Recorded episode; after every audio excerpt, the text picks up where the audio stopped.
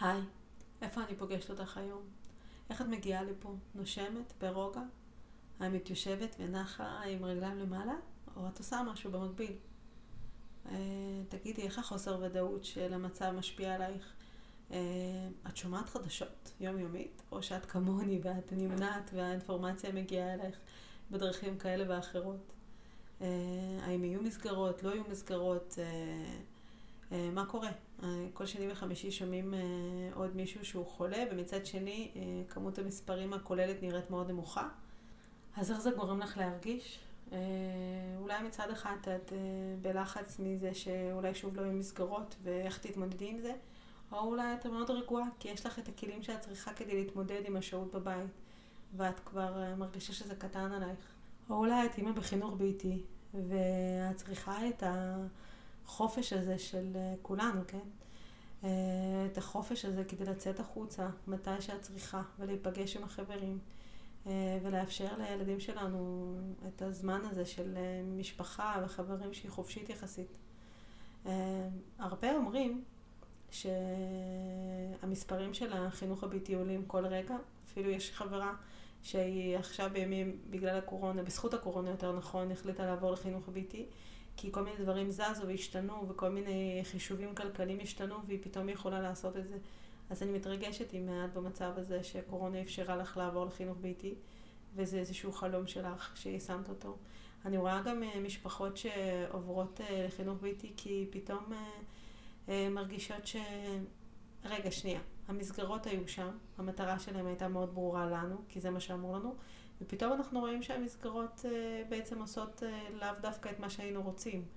והנה, אני יכולה לעשות את זה בלי המסגרת החינוכית שהיא מוגדרת, שמישהו אחר יחנך את הילדים שלי. אני יכולה לעשות את זה בעצמי. אז uh, אני מאוד מתרגשת. וכל האימהות בחינוך ביתי הוותיקות, עם שנות, uh, שנים, רבות של ניסיון, אני רוצה לתת מדליה, כי יש כל מיני תהפוכות באוויר. לא משנה מה אנחנו מתמודדות, המצב הכלכלי, המצב המשפחתי. אנחנו צריכות uh, לאפשר לילדים שלנו, לתת להם את השגרה הרגילה והבסיסית והרגועה. וזה משהו שהוא בכלל לא פשוט לעשות.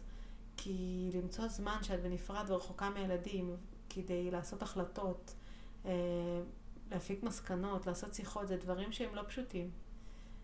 כי לפעמים היממה פשוט שואבת פנימה, ולא שמים לב לדברים מהותיים. אז אני רוצה לתת לכולנו מדליה, לאימהות. אנחנו עושות עבודה מדהימה. חברה שלי, יום אחד שהתקשרתי בהיסטריה להגיד שאני פשוט לא מספיקה כלום ואני מרגישה עומס היסטריה, אמרה אפרת, את עושה עבודה של ארבעה אנשים. לא פלא שאת מרגישה בעומס, אז uh, תני לעצמך חופש, תנוחי. אז אני מקווה שהפודקאסט הזה נותן לך uh, זמן מנוחה, גם אם זה אומר שאת עושה עוד משהו, אבל המוח עושה את מה שטוב לו, והוא רגוע, והוא שלם. אז אני מזכירה לעצמי גם לנשום. אז יאללה, מתחילות. ברוכה הבאה לפודקאסט ליצור מונטסורי בבית. אה, בפודקאסט הזה אני מזמינה אותך לבית שלי. אני מדריכה מונטסורית ואימא בחינוך ביתי, אני מיישמת מונטסורי בבית עם המשפחות שלי ומלווה משפחות בחינוך ביתי לשילוב של מונטסורי בבית שלהם. ופה בפודקאסט הזה אני מזמינה אותך להציץ למה זה חינוך מונטסורי. אה, זה, הפודקאסט הזה מהווה סוג של אה, מבואה לעולם שלם של ידע. בעולם הזה אני מביאה לך את העקרונות של הגישה, דרך כניסה לחיים שלנו. גם בחינוך הביתי, ואני משתדלת לגעת בתחומי חינוך והורות דרך המשקפיים שהם אה, שלי לכיוון המונטסורי. אני בוחרת את הנושאים אה, בהתאם למה שנוגע לי בימים אלו. אני מזמינה אותך גם אה, לחשוב ומהם התחומים שמעניינות אותך, ואולי לשאול שאלה. אני, אפשר לעשות את זה באינסטגרם שלי, באפרת מילן דביר, או בדף הפייסבוק שלי ליצור מונטסורי בבית, או בקבוצת הפייסבוק מה עשינו היום במונטסורי. החינוך מונטסורי הוא עולם שלם של ידע. כדי להעמיק בו ולהיכנס עוד יותר, מעבר למה שאתן שומעות פה בפודקאסט או נחשפות ממנו בקבוצה ובדף שלי, יש לכן אפשרויות uh, שונות. אחת מהן, ב-7 ליולי נפתח מחזור שלישי לקבוצת ליווי קצב מונטסורי משלך בחינוך ביתי.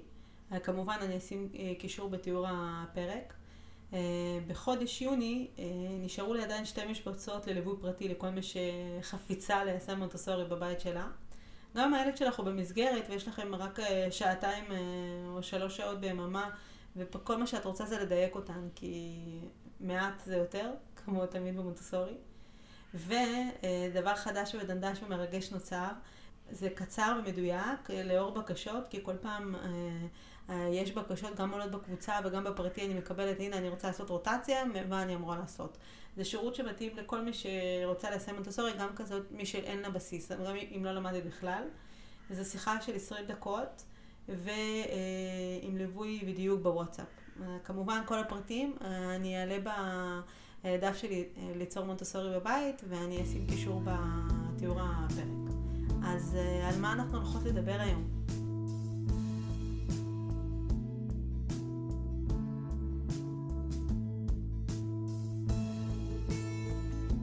הגעת לפודקאסט ליצור מונטסוריה בבית של אפרת מילנה דביר.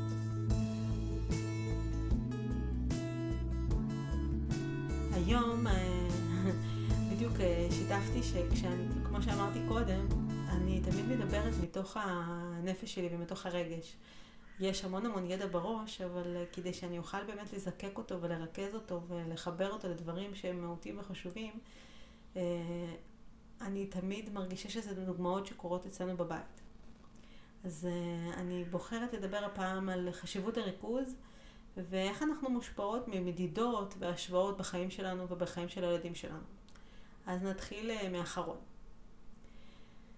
בקבוצת הפייסבוק מה עשינו במונטסורי, קולגה uh, מדהימה העלתה שאלה, תהייה, uh, חשד. חשד שאני חושבת שהוא מדויק לכל האמהות uh, שאני מלווה, כולל אותי. זו שאלה שכל הזמן מדאיגה ומלחיצה, יש לומר, אותי. אה, רגע, אביעד יודע את המספרים? הוא מתקדם נכון בכתיבה? הוא מתקדם נכון בהבנה של מה זה צליל פותח, מה זה צליל סוגר, כל הדברים האלה? למה הראש שלי תמיד הולך לשם? למה כשהם קטנטנים, הדבר הראשון ששואלים אותם, אה, איזה צבע זה, ואיזה צבע זה, ואיזו חיה זאת? יש לי איזושהי טבלה אה, אני מניחה שהיא מובנית ממשהו שאולי קורה בטיפת חלב, אה, או בבית ספר, שיש, או בגנים, שיש איזושהי ציפייה וטבלה שכל ילד אמור לעמוד בזמנים מסוימים באיזושהי אה, קריטריונים. וזה אומר שהוא כרגע מעל הממוצע, מתחת לממוצע, בממוצע, אבל הוא שם. עכשיו, כל אחד מאיתנו רוצה שהילד שלו יהיה הכי מוצלח בעולם. לא משנה כמה אני אגיד לכם בתור אימא מונטסורית, וגם בתור מי שמלווה משפחות, שאני שחררתי ואני ברוגע, אני באמת עושה את זה, אני ממש ממש משתדלת להיות שם. אבל איכשהו שם, uh, ב-back of my mind, נמצא כל הזמן, uh, נמצאת כל הזמן השאלה הזאת, האם אני עושה מספיק? האם הילד שלי קיבל את כל מה שהוא צריך? עוד יותר בתור אמא בחינוך ביתי, כי כשילדים שלנו במסגרות, uh, אז יש איזושהי מחשבה. אני העברתי את האחריות החינוכית של הילד למישהו אחר, הוא ילמד אותו, בבית אני אנסה להשלים מה שאני יכולה, אבל זה בסדר שאם אני לא מספיקה הכל, כי בגן או בבית ספר או לא משנה איפה, ישלימו. וכשהאחריות היא בחינוך הביתי היא רק עליי, על אימא, אז יש המון המון המון, המון אה, משקל ו, ופחד ולחץ מהמקום הזה. ואז עוברת מחשבה, רגע, אבל זה לא משנה. אביעד בן שלוש וחצי, הוא קטנטן. הוא לא צריך, ואני לא מצפה ממנו לדעת אה, את הדברים האלה. אני לא מצפה לבחון אותו על פי חשבון ושפה. אני מצפה ממנו, וזו באמת ציפייה שלי, מעצמי, בתור אימא בחינוך ביתי. אחד, שיהיה מאושר. שתיים, שיבלה את הזמן שלו בדברים משמעותיים. וכן, אני מכניסה פה לתוך הדבר המשמעותי גם אה, הגדרה של משחק חופשי. אולי זה גם נושא שלישי שנצרף לפה, זה אה, זמן, מה זה זמן משמעותי.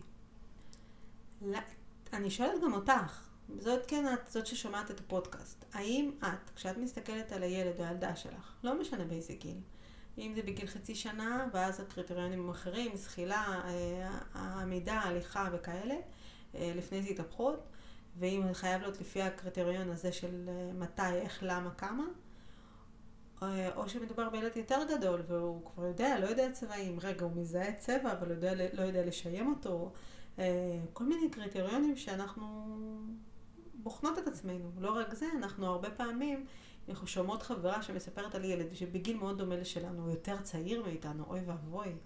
אה, עושה משהו שהילד שלנו לא עושה, ישר נכנסת איזושהי חרדה ותחושת אה, תסכול. ואז אני עושה בחינה, ואני אומרת, רגע, רגע, רגע. האם אני עושה נכון עבור הילד שלי? האם הוא מקבל ממני את כל הגירויים שאני אמורה לתת לו? האם אני עושה את כל מה שאני מצופה ממני? עכשיו, מה זה אימא מונטסורית? אימא מונטסורית, אני שנייה מבדילה בין אימא מונטסורית למדריכה מונטסורית. אה, אימא מונטסורית, לרוב, אין לה הכשרה מונטסורית של אה, מדריכה מונטסורית, זה הכשרה אחרת. אז יש איזושהי הבנה וידיעה והעמקה, ולרוב כמובן, אה, אני בטוחה שאת עוקבת לא, מעבר לפודקאסט שלי לאינסטגרם ולעוד דברים אחרים, ועם משפחות אחרות שהן מיישמות מונטסורי בבית, והן רק עושות את זה, ואת מקבלת השראה, אולי בקבוצה את עוקבת אחרי נשים אחרות שמעלות רוטציות.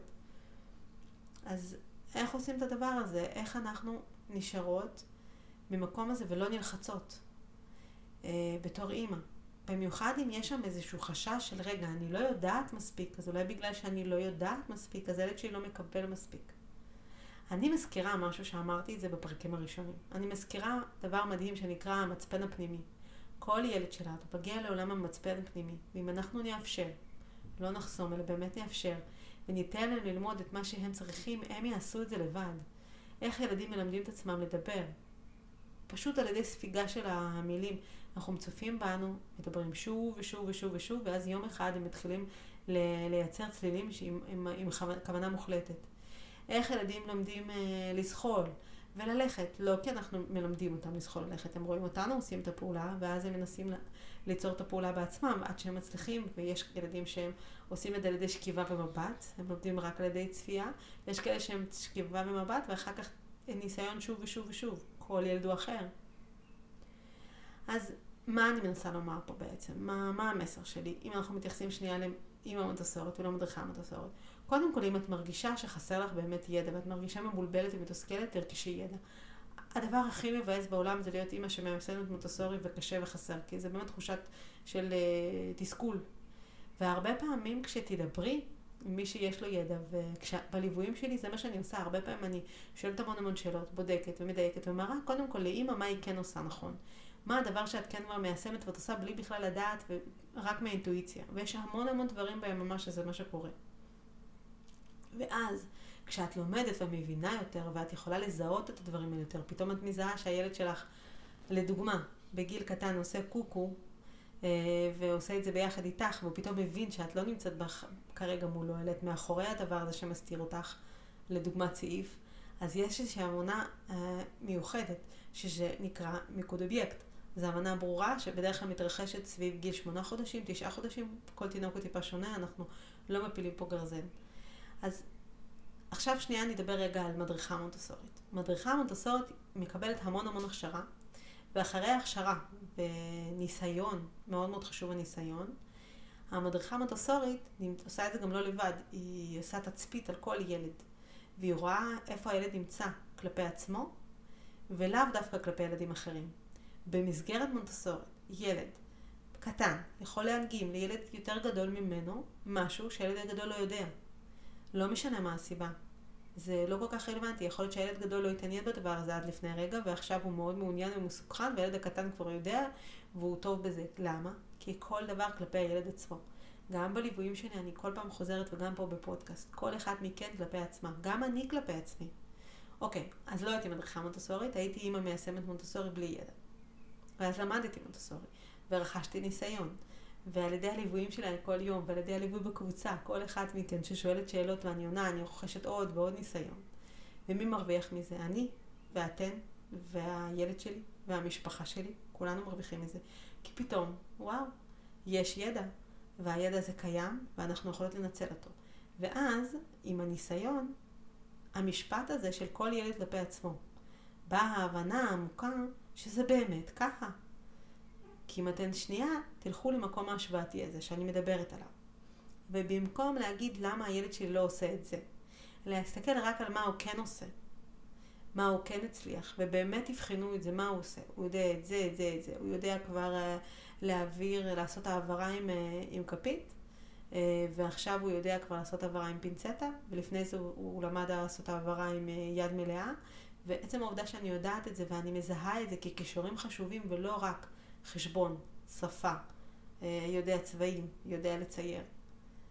אה, עם ההסתכלות שלי, נקודת המבט שלי, עכשיו אני מזמינה אותך, אני, בתור מדריכה מונטסורית וגם אימא מונטסורית, מזמינה אותך, אימא שמיישמת מונטסורי בבית, ורוצה להגיע למקסימום דיוק, אבל בלי רגשת אשמה, אני ממש מזמינה אותך לנסות להיפטר מהן, בדיוק כמו שאני מזמינה את עצמי לנסות להיפטר מהן.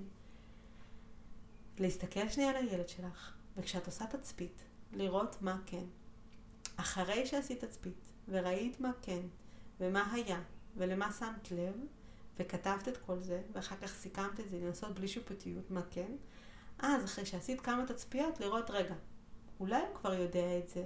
מה עשינו היום במונטסורי? אה, אתגר שמדבר על רוטציה. ואחד האמהות, למרות שהאתגר הוא על משחקים, העלתה תרגיל. התרגיל הוא צליל פות... לזהות אה, חפץ, מיניוטורה, על פי צליל פותח. זאת אומרת שהילדה כבר יודעת לזהות את האות, היא יודעת איך היא נשמעת מה הצליל שלה, היא יודעת לזהות את השמות של החיות שנמצאות בתרגיל, והיא עשתה את זה תוך פעם אחת והיא לא רוצה לגשת יותר. למה אני מדברת על זה כרגע? באיזה הקשר?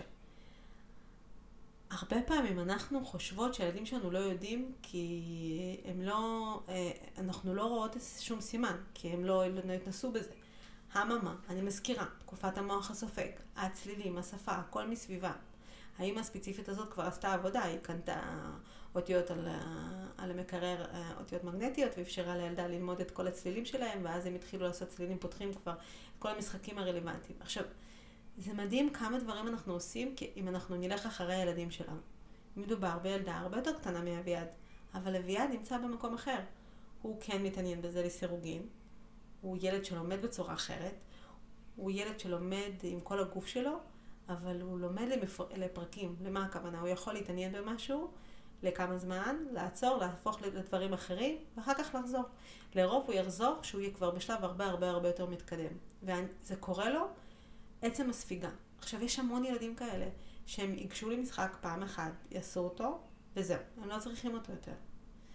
אה, אותו דבר לגבי תרגילים כמובן. אז מה הפואנטה שלי? למה אני, לאן אני מנסה, מה אני מנסה להראות? כל אחד מאיתנו מגיע עם uh, מטענים אחרים מהבית, ואנחנו תוכננו uh, אחרי שבאמת כל ככה גידלו אותנו, שכל פעם שואלים אותנו, את יודעת את זה, את יודעת את זה, את יודעת את זה. ועל ידי השאלות האלה, ככה הסביבה בחנה אותנו, לראות איפה אנחנו נמצאות כלפי עצמנו, וגם לרוב קיבלנו ציון. Uh, במקרה הטוב אמרו לנו, אה, לא נורא, את עוד תלמדי. במקרה הפחות טוב, אמרו, טוב, נו מה לעשות, היא לא מספיק חכמה. Uh, כן, זה מבאס, אני יודעת.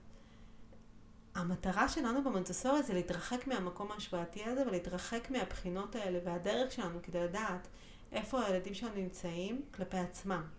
כל הזמן. אני יודעת שאני חוזרת על עצמי, אני מבינה את זה, אבל זה כל כך כל כך חשוב לי להעביר את המסר. הילדים מגיעים עם המוח הסופג, עם המצפן הפנימי, הם יודעים איך ללמד את עצמם. אני אשאל אתכם שאלה אחרת. למה אנחנו לא בוחנים את הילדים שלנו אה, על פי עבודת כפיים? האם הילד שלי יודע להרכיב כיסא? הוא יודע לקפל כביסה? הוא יודע לשטוף כלים? הוא יודע לבשל? זה שאלות שאנחנו לרוב, אם זאת לא אימא מונטסורית, היא לא תשאל את עצמה, כי זה לא נשמע כמשהו פנסי. המילה מצחיקה.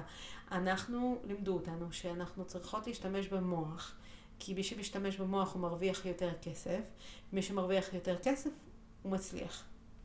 הממה, כדי שילד, בן אדם, בת אדם, תצליח בחיים שלה, כדי, להשתמ... כדי שהמוח יעבוד, אנחנו צריכים שכל הגוף שלנו יעבוד. כל הגוף שלנו ילמד. המו... הידיים זה ההמשך, האיבר ההמשך של המוח. זה מה שמריה מונטסורי אמרה. אנחנו חייבים שהילדים שלנו יחיו ויעבדו ויספגו עם כל הגוף שלהם. וכדי שהם יעשו את זה, הם חייבים להתנסות בהכל. אז תחשבו רגע שנייה. אם אני, בתור אימא מונטסורי, שהילד שלי לא כל כך רוצה ולא כל כך מתעניין במספר רכישה, אבל הוא למד עכשיו לפרק ולהרכיב כיסא איקאה של ילדים. אה, לא בהכרח לבד, כן, הוא ביקש עזרה, הוא רצה, הוא מאוד התעניין בזה, הוא פירק אותו, אחר כך ביקש עזרה בלהרכבה, אחר כך הרכיב אותו, פירק אותו שוב, הרכיב אותו שוב.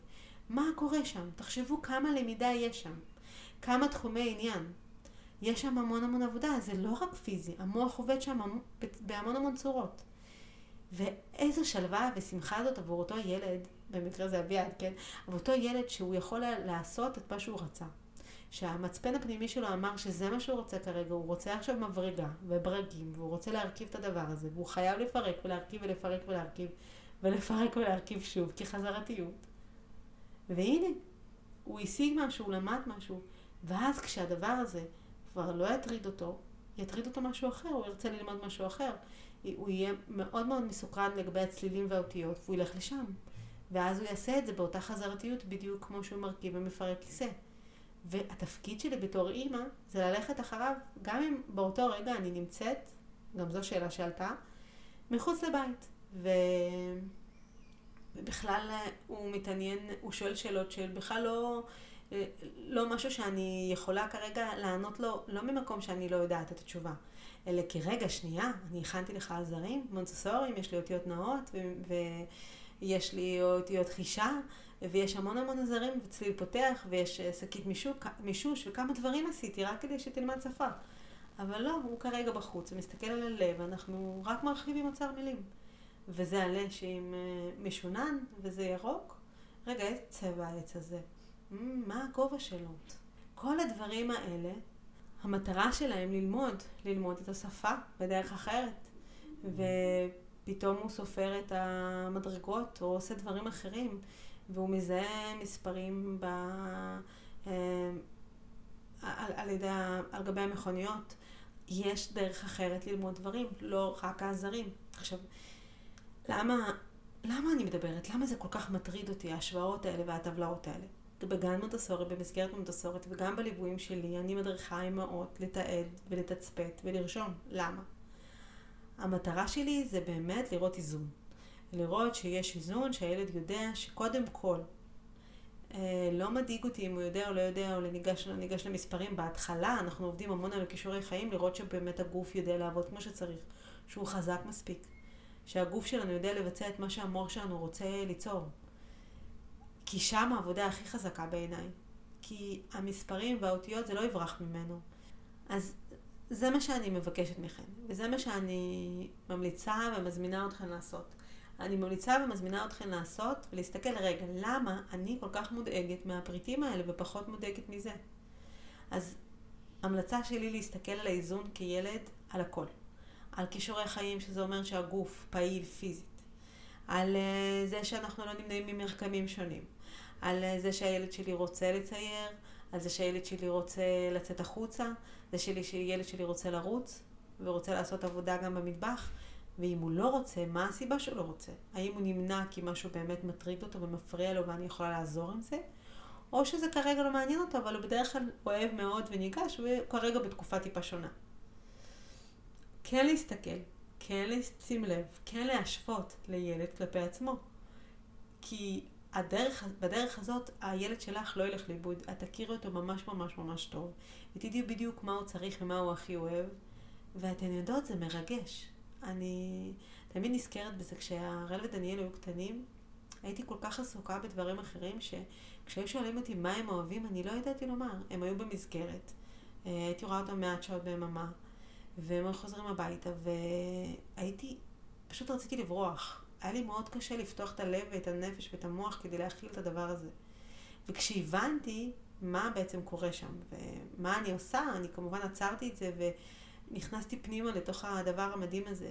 והיה לנו המון שיח בדרך הביתה והמון שאלות, אבל מרגע שהיינו מגיעים הביתה רציתי להתנתק, רציתי לברוח.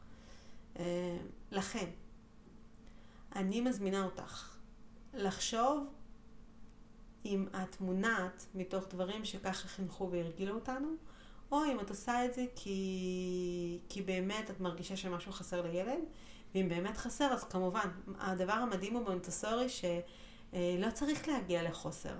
אנחנו עובדות הרבה הרבה לפני זה. אנחנו, בגלל הנקודת מבט הייחודית שיש לך על הילד שלך, ובגלל שאת עושה תצפית, ובגלל שאת מתעדת לאורך זמן, את בדיוק איפה הוא נמצא ומה הוא צריך עוד לפני שזה מגיע לחסך אמיתי או לקושי מאוד מאוד גדול. ואם יש שם קושי, את תדעי לטפל בו ולענות צורך, כי יש לך את הכלים. אני חייבת להגיד שזה מרגש, כי המון עבודה של מרפאות בעיסוק וקלינאיות תקשורת, הן עובדות כבר כשהילד מגיע כבר אחרי שיש חסך מאוד מאוד גדול וקושי מאוד מאוד גבוה. במונטסורי, בגלל שנגמרים מונטסורי עבדה עם הילדים עם קשיים מראש, אז היא פיתחה את כל הדבר הזה עם ילדים שהם נחשבים אה, בהגדרה, אני, אתן לא רואות אותי עושה גרשיים של רגילים, אבל כן, ילדים שאין להם קשיים, שיחסית הם אה, הולכים על, על, על פי אבני התפתחות שלהם בצורה תקינה. עכשיו, מה זה תקינה? עוד פעם, כל ילד כלפי עצמו. בלי שילד נמנע ממשהו, בלי שהוא מנסה לברוח מאיזושהי פעילות, כי זה קשה לו והוא לא מסוגל להתמודד, או הוא לא נמנע והוא מנסה לברוח. זה באמת לא מעניין אותו כרגע. הוא עושה משהו אחר, הוא מאוד מאוד קטן, או שהוא מתעניין עכשיו, הוא כל כולו עמוק בתוך הדבר המדהים הזה שנקרא טרקטור, והוא חוקר את כל המנועים ואת כל הבפנים, וזה מה שהוא לומד עכשיו. אז הוא לא פנוי לשום בלמידה אחרת. למה מונדסורי יותר טוב בעיניי ממסגרת אחרת? אה, או למידה אחרת. אם אנחנו משווים מסגרת מונטסורית למסגרת לא מונטסורית, במסגרת רגילה, בדרך כלל אם אנחנו משווים בית ספר, יש 45 דקות שיעור, בשיעור הזה מלמדים איזשהו נושא, השיעור נגמר, הילד צריך לעבור לנושא אחר. עכשיו, ילדים בדרך כלל רוצים לשקוע בדבר שמעניין אותם. תחשבו על עצמכם. האם אתן, כשאתם משהו ממש מעניין לכם, ואתן רק חוקרות את זה במשך ימים שלמים, ולומדות, וחוקרות, ובודקות, ומתעניינות בזה, ופתאום יגידו לכם, רגע, תעצרי, בואי נעשה משהו אחר, תלמדי את זה. אני לא רוצה ללמוד את זה, אני עכשיו שקועה בזה. אז הם לומדים עם בלוקים של מידע, ולא עם... וחזרתיות, עוד פעם, ועוד פעם, ועוד פעם, ועוד פעם, ועוד פעם. כשאני מדברת בלוקים, אני מדברת על משהו שיכול לקחת ימים. יש ילד, ילד שיכול חודש לשקוע במשהו ספציפי ללמוד רק את זה. ושום דבר אחר. עכשיו, זה לא אומר שהוא לא ישחק משחק חופשי, או לא יחקור פה ושם דברים אחרים, אבל יש ילדים שכן, שום דבר אחר לא מעניין, שזה מה שהם רוצים לעשות. אז ילד כלפי עצמו, אה, לעשות השוואה, בהחלט, לילד כלפי עצמו, ולשאול את עצמי, האם אני מניחה משהו על המדף כי אני רוצה להוביל את זה, כי הוא צריך את זה באמת והוא מתעניין והוא הראה לי סימנים לזה, או כי זה משהו שבאתי איתו כי ככה לימדו אותי וככה חינכו אותי שאני חייבת, חייבת, חייבת לשים על זה וי ושהילד שלי יודע וככה אני יודעת שהוא בסדר. אז uh, מעבר חד, דיברנו על uh, משחק משמעותי, מה זה הדבר הזה. אני, אני כמעט בטוחה שדיברתי על זה בפודקאסטים הקודמים, אולי אני טועה, אבל אני כן רוצה לשים על זה רגע דגש. מה זה משחק משמעותי? משחק משמעותי זה גם נוגע מאוד בריכוז, במשמעות הריכוז שאני כבר אדבר עליו. משחק משמעותי זה כשהילד יושב וזה חשוב לו והוא עושה משהו אה, כי זה מעניין אותו, כי זה מסקרן אותו, כי הוא הולך אחרי המצפן הפנימי שלו, כי אנחנו אפשרנו לו ללכת אחרי עצמו. מה זה משחק לא משמעותי? אם אני שנייה מנסה לתת דוגמה. משחק לא משמעותי זה כשהילד שלי יושב והוא בא אליי ואומר, אמא משעמם לי, ואמרתי, ואני אומרת לו, יאללה, אתה רוצה? ואז אני מתחילה להוציא משחקים מה, מהארון, אה, ולהגיד לו, אתה רוצה לעשות אה, לגו או פאזל או משהו כזה? עכשיו, אם אני באתי אליו ואמרתי לו, או, בוא נשחק לגו היום. והילד שלי לא רוצה לעשות את זה, ואני מנסה לשכנע אותו. בוא נעשה לגו, למה? אבל לגו זה כיף, אתה אוהב את זה. זה, אני לא יודעת איך לקרוא לזה, זה בהחלט לא משחק משמעותי, כי זה בדיוק ההפך ממה שהילד שלי צריך. הוא צריך כרגע והוא ניסה לתקשר לי, הוא רוצה לעשות משהו אחר.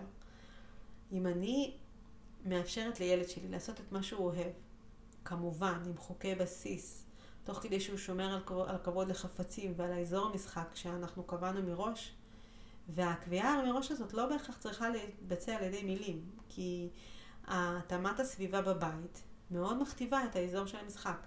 אם יש לי מדפים של משחק, יש שם שטיחון לשחק עליו, ילד שלי ישחק שם.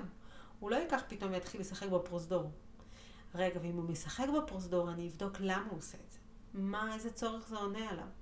האם הוא רוצה שנייה להיות לבד וחסר לו חלל שהוא לבד והוא יכול להתבודד בו? וגם את זה אני אבחן. תזכרו תמיד שילדים הם תמיד בעד עצמם ולא נגדנו. אז משחק משמעותי זה משחק שבו מתבצעת חזרתיות. שילד מרוכז, כבר נדבר על זה, מה החשיבות של הריכוז. שהילד אה, שלי פשוט נמצא בתוך הזון, אפשר לראות אותם, אה, פשוט עושים משהו שמסקרן אותם ומעניין אותם. לרוב זו יהיה חקירה.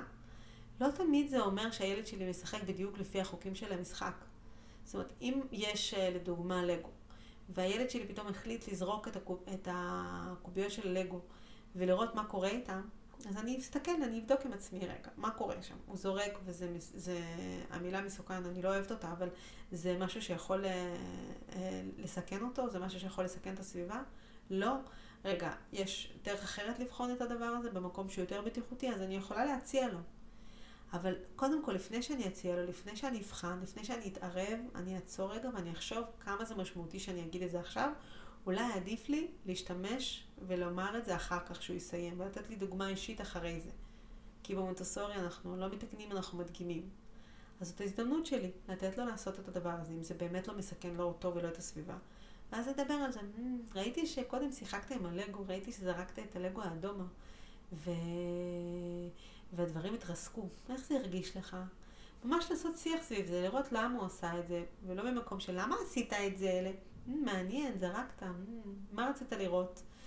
יותר ממקום של לכבד, כמו, תזכרו שאתן מנהלות דו-שיח עם אה, מישהו שאתן מכבדות, שאתן אוהבות, מישהו שאתן מגדלות להיות בן אדם בוגר, שאתן תרצו להמשיך לנהל את השיחות האלה באותה רמה.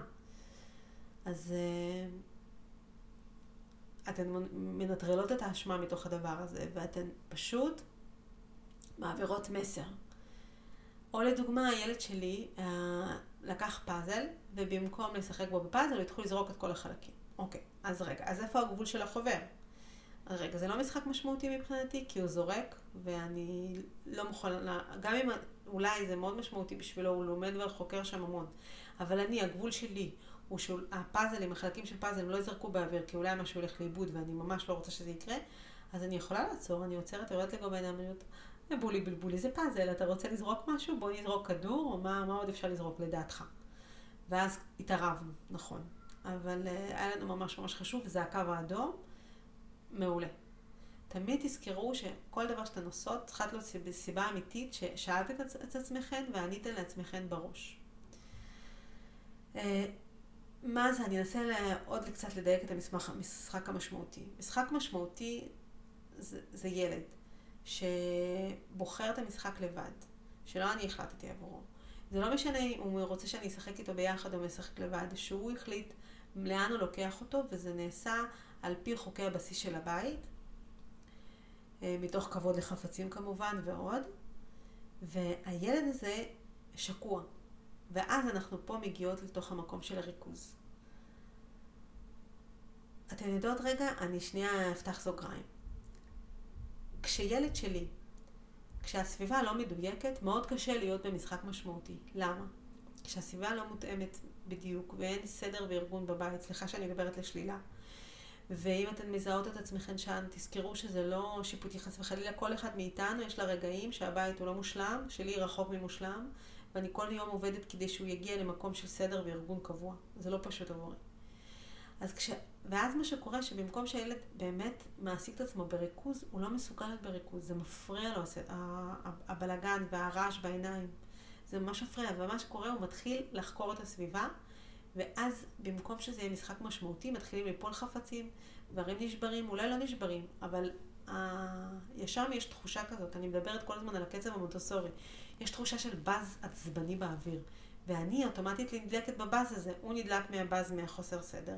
אני נדלקת מהבאז כי הוא הוסיף לחוסר סדר עוד. כי אימא, הוא קורא לעזרה, אומר, אימא, את חייבת להרים ולשים את הדברים במקום, כדי שאני אוכל להתפנות ולהיות בשלווה, אבל יכול להיות בתוך הריכוז שלי. בבקשה, זה ממש קריאה לעזרה.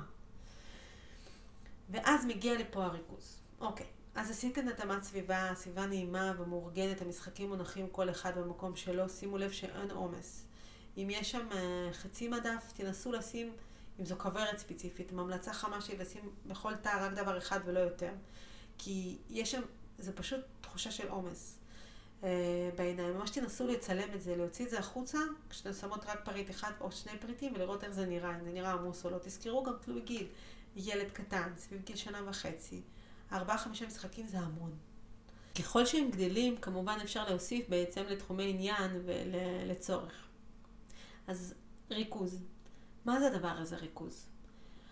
כל הזמן אנחנו מקבלות תלונות על uh, אנשים, uh, במיוחד במסגרות. הילד לא מצליח לשבת על הטוסיק, הוא לא מצליח לשבת יותר מרבע דקה, וזה מדביק גם את האימהות. אני כל הזמן רואה בקבוצות ובליוויים שלי, uh, הילד לא מצליח לשחק יותר מחצי דקה במשחק. קודם כל תלוי גיל. אם מדובר בילד גיל שנה, דקה זה מעולה, זה מספיק, לא צריך יותר. לפעמים, לפעמים יש שם דיוק מאוד מאוד מדהים, ואז יש יותר זמן. וזה, אני לוקחת את זה עם שתי ידיים. ותזכרו כל ילד כלפי עצמו. ואז יש איזושהי ציפייה שילדים ישבו בלי לזוז. רגע, שנייה. תזכורת, אני מזכירה, נטייה טבעית לתנועה. הם צריכים את התנועה כדי להפנים מידע, זה חלק בסיסי. אה, ילד שעושה את הלמידה תוך כדי תנועה, מצליח תוך 10-20 פעמים להצל... להכניס את אותו ידע למוח שלו, וילד שהוא עושה את זה לא תוך כדי תנועה, אנחנו מדברים פה על עשרות אלפי פעמים. תראו את ההבדל המשמעותי, הוא מאוד מאוד משמעותי. אז הם צריכים תנועה, קודם כל. הריכוז יכול להיות בתנועה לגמרי. יש ילדים שתוך כדי תנועה קוראים ספר, יש ילדים שתוך כדי תנועה אה, סופרים, יש ילדים שעושים המון דברים תוך כדי תנועה. תנועה זה דבר נפלא. דבר נוסף, אה, למה אני מדברת על ריכוז, ואיך אנחנו משיגות אותו בעצם. אני ממליצה, כדי להשיג ריכוז, צריך לאפשר ריכוז. מה הכוונה? מכירות את זה שכשאנחנו, הילד משחק, והוא כולו בתוך משהו, משהו מעסיק אותו, ולנו זה נראה לא משמעותי, הוא קורא דף, בסדר? יושב עם נייר טואלט וקורא אותו לחתיכות. הוא בסופר ריכוז, אני, אה, בתור אימא, מפרשת את זה כלכלוך ובלאגן, והילד שלי עושה משהו לא משמעותי, כי ככה אני הגדרתי אותו, אפרופו ראייה שיפוטית, ואז אני אגיד, רגע, רגע, רגע, תראה, תראה מה אפשר לעשות. ואני מפסיקה את מה שהוא עושה כרגע, את הריכוז, ואני גורמת לו לעשות משהו אחר. המשפט הזה, תראה, תראה מה, או רגע, אני רוצה גם לעשות את זה איתך, או... אה, בדיוק חברה שלחה לי אתמול הודעה, אפרת, אני לא יכולה יותר, כמה אני יכולה להגיע לבן זוג, להגיד לבן זוג, בבקשה תפסיק להפריע לה, היא בתוך ריכוז, היא בתוך חזון, תעזוב אותה, אל תדבר איתה. פתאום בן אדם נכנס אה, לחלל החדר עם אנרגיות מאוד מאוד חדשות, אפרופו יתרונות וחסרונות של אה, מסגרת החינוך ביתי. אה, הילד, אני אמרתי את זה כבר בפודקאסטים הקודמים, ילד עם הזמן, כשאנחנו כן מכבדות את הריכוז שלו ומאפשרות להם לעבודה, ואנחנו מתווכות את זה מול הסביבה, הוא יודע להגיד כבר בגיל יותר מבוגר. אביעד יודע להגיד את זה, אני עובד כרגע, אל תפריעו לי בבקשה. לקח זמן, אבל כדי שהוא יוכל לשמר את הריכוז שלו, אני, אני השומר הסף. את שומרת הסף של הריכוז שלו, ולא ההפך. זאת אומרת, לדוגמה, אני שלחתי וואטסאפ, אני בוואטסאפ הקבוצתי של המשפחה הגרעינית שלנו, אני שולחת כל פעם אה, כל מיני אה, מכתבי אהבה עם דגישים, איך אה, אפשר להתנהג עם אביעד בדרך שהיא גם תשיג תוצאות לכל הסובבים וגם תהיה טובה בשבילו. וריכוז אחד הדברים. אתם יוצאים מהחדר וממש בא לכם להגיד שלום לכולם. תוודאו שאנשים שם פנויים אליכם רגע. אני יודעת שאני בתור אימא אמורה להיות קשובה מאוד לילדים שלי, זה נכון. אבל אם מביאה את שניהם בריכוז, זה מה זה מבאס? שפתאום הם יוצאים החוצה והם מתחילים לדבר והוא עוזב את הכל ו- וזהו, והוא עושה משהו אחר. זה מבאס. או הפוך, אני יכולה להיות שומר הסף של הריכוז, או שאני יכולה להיות מביאה את הריכוז. רגע, אני יכולה להיות מביאה את הריכוז? איך אני אעשה את זה? אביעד אה, נמנע מהדבקה. לא, לא בא לו. אולי זה קשה לו פיזית, אולי זה לא מעניין אותו. אני, אולי הוא לא מבין מה הדבר שהוא יכול להשיג, או שהוא ראה וזה פשוט לא מספיק מסקרן או מרגש אותו. היום בבוקר הוא רצה מאוד לגזור איזושהי עובדה מהממת אה, שחברה הכינה לנו של אה, כל מיני עונות השנה. ממש, הוא לקח את המספריים וזה מצויר על קרטון ביצוע גדול, ואמרתי לו, אביעדי, אוקיי, את זה אני לא יכולה, אני מצטערת, אתה לא יכול לגזור. אבל תראה, יש את כל העבודות שלך שאנחנו שמים בצד, יש לנו מין אה, תיקייה כזאת של מלא ציורים שלו, אתה יכול לבחור אחד ולגזור אותו, בשמחה. הוא לקח אה, משהו שהוא עשה איתו עבודה עם אה, צבעי גואש, כל הדף שלו היה שם כחול, הוא התחיל לגזור אותו למלא מלא חתיכות. אני שמחתי מאוד כי אפרופו משמעותי מול לא משמעותי, הילד ישב במשך חצי שעה וגזר את הדף הזה לחתיכות שונות בגודל שונה. עכשיו, מה, מה יש במונטסורי? במונטסורי, מה שאני אוהבת, ששום דבר לא, לא סתם, ולכל דבר יש מטרה. אז אם הוא גזר את זה כדי לתרגל, יש לנו שתי אופציות. אחד, אפשר לזרוק את החתיכות האלה, או הבאתי לו קופסה, שמתי את הגזרים בתוך הקופסה, ואז התיישבתי והתחלתי להדביק על נייר. למה? כי במונטסורי, כשילד גוזר משהו ונשארים חתיכות, כדי שילד אחר, או אותו ילד ירצה לעשות בהמשך קולאז', שזה פשוט אה, הדבקה בצרפתית, אה, אבל אה, אתם, בטח כל אחד מכן יודעת למה אני מתכוונת כשאני אומרת קולאז', בטח בעיני רוחה יש איזשהו משהו, איזושהי יצירת אומנות עם הדבקה של כל מיני חומרים יפים. אז כל אחד מאיתנו יכול לעשות את זה, זה מקסים ומרגש, ואפשר ליצור רק מהדבקה מכל מיני גזרי עיתון או גזרי נייר. התיישבתי והתחלתי להדביק. עכשיו, מה שקרה שם בעצם, הוא סיים לגזור. הוא רצה כבר להמשיך הלאה לעשות דברים אחרים. אני הובלתי אותו למשהו שרציתי אה, שהמיומנות שלו תהיה קצת יותר טובה בדבר הזה, כי הוא כל פעם נמנע. תמיד את הרגלי ההדבקה מתיישבים וצוברים מלא מלא אבק. עכשיו, אני מדברת על זה כל הזמן, בואו נדבר על היצירה ועבודה מהחיים ותוך כדי חיים והלמידה ובחינוך ביתי יש כל כך הרבה הזדמנויות לזה, אז ברור שאני לוקחת את זה עם שתי ידיים. וזה מה שהוא קרה, הוא ישר התיישב לידי והתחיל להדביק גם. עכשיו, מה שקרה שם, ראיתי שהוא ממש לא יודע לעשות את זה וזה קשה לו, והוא ביקש ממני כמה פעמים עזרה, וכמובן עזרתי לו, ולאט לאט הוא למד להדביק והוא הדביק. והוא גם יצא, היה דף שלי של הדבקות ודף שלו של הדבקות. תיזהרו מאוד לא ליצור איזשהו משהו ספציפי עם מטרה, או לא ליצור איזשהו משהו מהמם, כי אז מה שקורה, הם מתחילים לבקש עזרה. לדוגמה, התחלתי לצייר ליד זה, כי רציתי אה, להמשיך הלאה, קפצתי עוד צעד, הגזמתי. והוא כמובן רצה לצייר, והצבעים שלו יצאו, אה, עשו אה, חותם אחר על הדף, והוא כמובן ביקש שאני גם אעשה. שם הובלתי את זה למקום טיפה אחר, ואמרתי לו, אה, בטח, ואתה רוצה שאני אצייר ביחד על הדף שלך? בוא נעשה, אני אעשה קו ואז אתה תעשה קו. אז הצלחתי להימלט מזה, אבל צריך מאוד מאוד להיזהר שם במקומות האלה. אז מה זה, מה זה הובלת למשחק משמעותי ולריכוז? לאפשר להם לעשות את מה שמעניין אותם. ואם מה שהם עושים זה לא מקובל עלינו כי זה לא על חוקי בסיס, אז אנחנו נעשה את זה בדרך שכן מקובלת עליהם. אה, עלינו. עליהם מקובל הכל, הם יכולים לגזור הכל, כי כשהם רוצים, כשיש drive פנימי, דיברנו על המצפן הפנימי, כשיש את הדחף המטורף הזה אה, של לגזור כרגע נייר, כי זה מה שאני רוצה לעשות, אני אגזור הכל. אני אגזור בד, כי מעניין אותי איך בד ייראה כשהוא גזור. אני אגזור אה, נייר, אני אגזור נייר צלופן, אני אגזור כל מה ש... אני אגזור כבל חשמל, הכל, הכל, הכל. עכשיו, כל הדברים האלה שאני אומרת לכם, זה לא כדי שאתם עכשיו תבהלו ותסתירו את המספריים. זה בסדר גמור שהמספריים נגישים, פה צריך להסביר חוקי בסיס. זה חשמל. את זה, אם אתה רוצה לגזור חוטי חשמל, תבקש ממני, אני אביא לך חוטי חשמל שאנחנו לא צריכים, תוכל לראות אם אתה מצליח לגזור. אפשר לגזור אה, את העלה שיש לנו פה על, ה... על האדנית? בטח שאפשר. כשאנחנו רוצים להכין תה נענה, אתה יכול לגזור את העלה, בשמחה, אבל לא כל הזמן, נכון? כי יש חוקי בסיס. אתה רוצה לגזור אה, ניילון? בטח, הוא... כשצריך לפתוח איזושהי חבילה, ויד רצה במספריים שלו, בצורה בטיחותית, וישר הוא פותח בשמחה. זאת אומרת, שימו לב, כשהוא עושה משהו בבית והוא פותח משהו שאסור לו, הדבר הראשון שאפשר לראות זה את, הגז... את הגזירה שהוא עשה עם המספריים. הוא מתאמן על זה ממש ממש יפה. היום אני מסכימה תמיד לכל דבר שהוא עושה לו, אבל אני כן מזהה שם את המקום שלו של חקירה ולהתאמן אה, וחזרתיות. למה אני מדברת על זה בהקשר לריכוז? אם אני רואה את הילד שלי מתאמן על משהו, ואני שואלת את עצמי רגע לשאלה, רגע, הוא גוזר משהו שהוא לא כל כך חשוב לי. נכון, בעיקרון אני לא רוצה שיגזור בד, אבל עכשיו הוא לקח ציפית שהיא לא חשובה לי והיא לא מעניינת אותי, והוא פשוט כל כך מרוכז בתור זה, אני אתן לו להיות בתור זה, אני לא אפריע לו, אני לא אבהיל אותו, אני אתן לו להיות שם, ואחרי זה אנחנו נעשה שיח. Mm, ראיתי שגזרת ציפית, זה היה כיף? כן, אמא, אני ממש נהניתי, היה לי ממש קשה, המספריים עבדו ממש קשה, סתם דוגמה. אוקיי, למה בחרת את הציפית הזאת?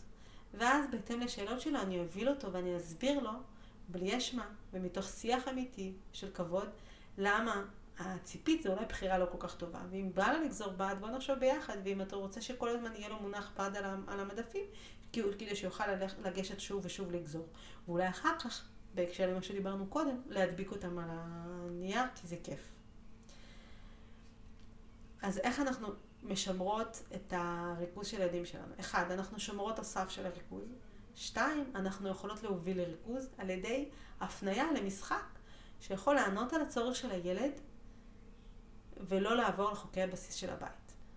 מה שאני מנסה לדבר עליו זה שלפני שאנחנו עפות ורצות על תרגילים ועל חשבון ושפה, בואו נתרכז ביום-יום, נתרכז בכישורי חיים. והכי חשוב, הכי חשוב, שנעשה עבודה עצמית כל אחד כלפי עצמה. לבדוק למה מה שמפריע מפריע לי, ומה אני יכולה לעשות, ואם זה מפריע לי כי זה משהו שאני לא יכולה להזיז אותו, זה קו אדום, כי זה מסוכן, או כי זה מפריע לי שלי, בתור ילדה, לא הסכימו. לא הסכימו לי ללכלך, לא הסכימו להרעיש, אה, לא הסכימו לי לגזור שום דבר, או להתקרב למטבח. ואז, אה, או אולי זה מפריע לי כי הבית לא מותאם והסביבה לא מסודרת מספיק, ואז באמת קשה לי עם זה שהוא יתקרב לדברים, כי אני מרגישה שזה באמת אמיתי, לא בטיחותי. ואיך אני מטפלת בזה? ממש לעשות בחינה יומית כל הזמן ולבדוק איך היה היום, מה הילד שלי כן עשה, ולא איפה אני לא בסדר, לא עם אשמה כלפי עצמך, אלא יותר לכיוון של אני אה, עושה דברים, הפעולות שאני עושה הן אוטומטיות, ככה חינכו אותי, ואיך אני יכולה לשנות טיפה את האוטומט למקום שהוא כלפי הילד שלי, כדי ללכת באמת אחרי הילד שלי, כדי באמת לאפשר לו להיות הוא. תודה רבה, מאוד נהניתי, מקווה שגם את. מוזמנת לעקוב אחריי בפייסבוק ובאינסטגרם, בדף שלי ליצור מונטסורי בבית. כמובן, אני מזמינה אותך לקהילה מה עשינו היום במונטסורי, קהילת פייסבוק שאני כל כך גאה בה ומאפשרת את התחושה ביחד והמון המון ידע. כדי לקבל אינפורמציה על הליוויים שלי בקבוצה או בפרטי, מוזמנת לשלוח לי הודעה בליצור מונטסורי בבית. ודבר מאוד מאוד חשוב, ואני רוצה להזכיר לך משהו. ילדים לא מגיעים לעולם עם כוונות רעות. הם לא באים להתיש אותנו, לבחון את הסבלנות שלנו, לדחוף אותנו לקצה. הם באים אלינו עם צורך לאהבה, חיבור ושייכות. ציטוט קטן של רבקה הנאיש. ביי.